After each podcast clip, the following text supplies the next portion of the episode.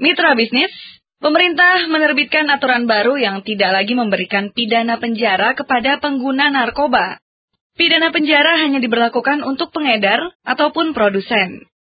Menteri Kesehatan mengatakan pengguna narkoba adalah korban yang akan direhabilitasi pemerintah. Dan untuk membicarakan hal tersebut, saat ini kami telah tersambung dengan pendiri dan Ketua Umum DPP Gerakan Nasional Anti Narkotika Granat, Henry Yoso Diningrat. Pak Henry, apa komentar Anda tentang aturan baru ini? Pemerintah jangan terjebak ya membuat aturan itu.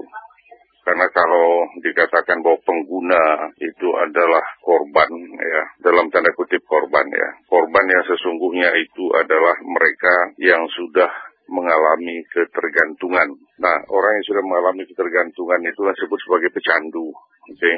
Tapi kalau tidak mempidanakan orang yang pemakai, dianggap sebagai korban, ya, itu akan sangat berbahaya. Berarti orang boleh gedek-gedek diskotik, tidak boleh dipidana. Ada orang pesta sab, ya, tidak boleh dipidana. Ya, itu jangan-jangan sampai terjadi seperti itu. Kemudian ada anak-anak SMA misalnya, mereka kumpul-kumpul, ngegele, seganja. Itu pemakai kan mereka. Itu konyol dunia ini, ya. Pemerintah salah dalam hal ini.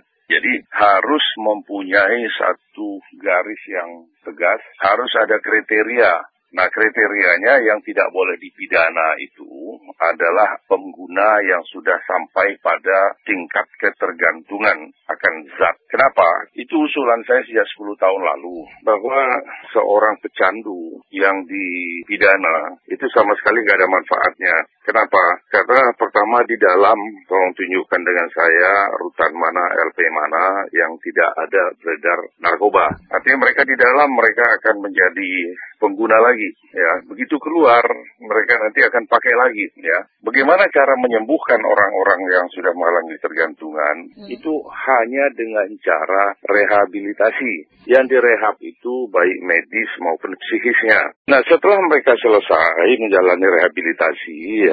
Nah setelah selesai baru mereka bisa diminta pertanggungan jawab hukumnya. Artinya mereka bisa diadili ya, kemudian baru menjalani hukuman. Dihukum dengan tujuan ya supaya dia jerah ya, ya tujuan pemidanaan kan seperti itu. Kemudian orang lain yang masih belum ketangkep jadi takut karenanya, gitu loh. Kan tujuan pemidanaan itu itu.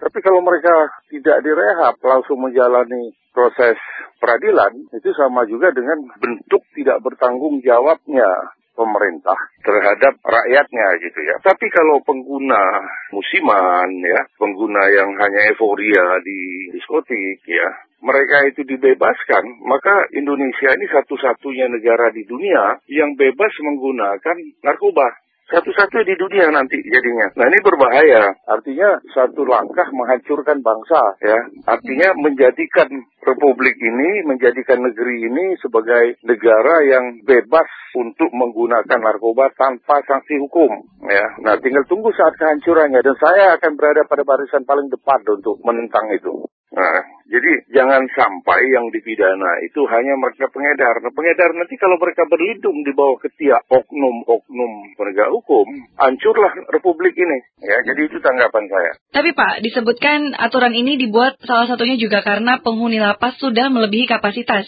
Bagaimana menurut Anda, Pak Henry? Alasan yang sangat apa ya mengada-ada ya, alasan yang cemen lah menurut saya. Itu persoalan lain. Kalau perlu ya tambah lapas, ditambah solusinya adalah ya pemerintah ya baik BNN, kepolisian, masyarakat ya harus menggalakkan atau mengedepankan upaya mencegah terjadinya penyalahgunaan ya disosialisasikan dampak dari penyalahgunaan itu gini gitu. Nyatanya mereka bilang nggak berhasil. Kenapa? Caranya yang tidak konsepsional, tidak sistematis. Masa putus asa? Ada himbauan Pak untuk pemerintah terkait pemberantasan narkoba dan seperti apa pengawasan ke depannya? Karena kejahatan ini adalah kejahatan yang konsepsional dan sistematis ya, dilakukan oleh sindikat internasional ya dengan mobilitas yang tinggi, dengan dana mereka yang tidak terbatas.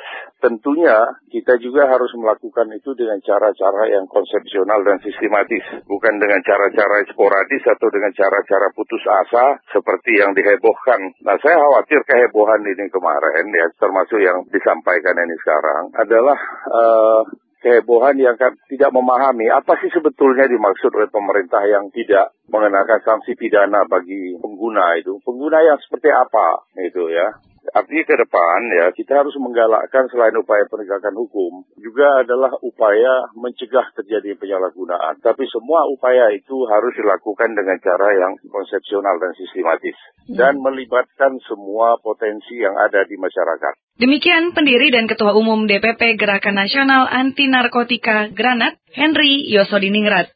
Saya Mandariska.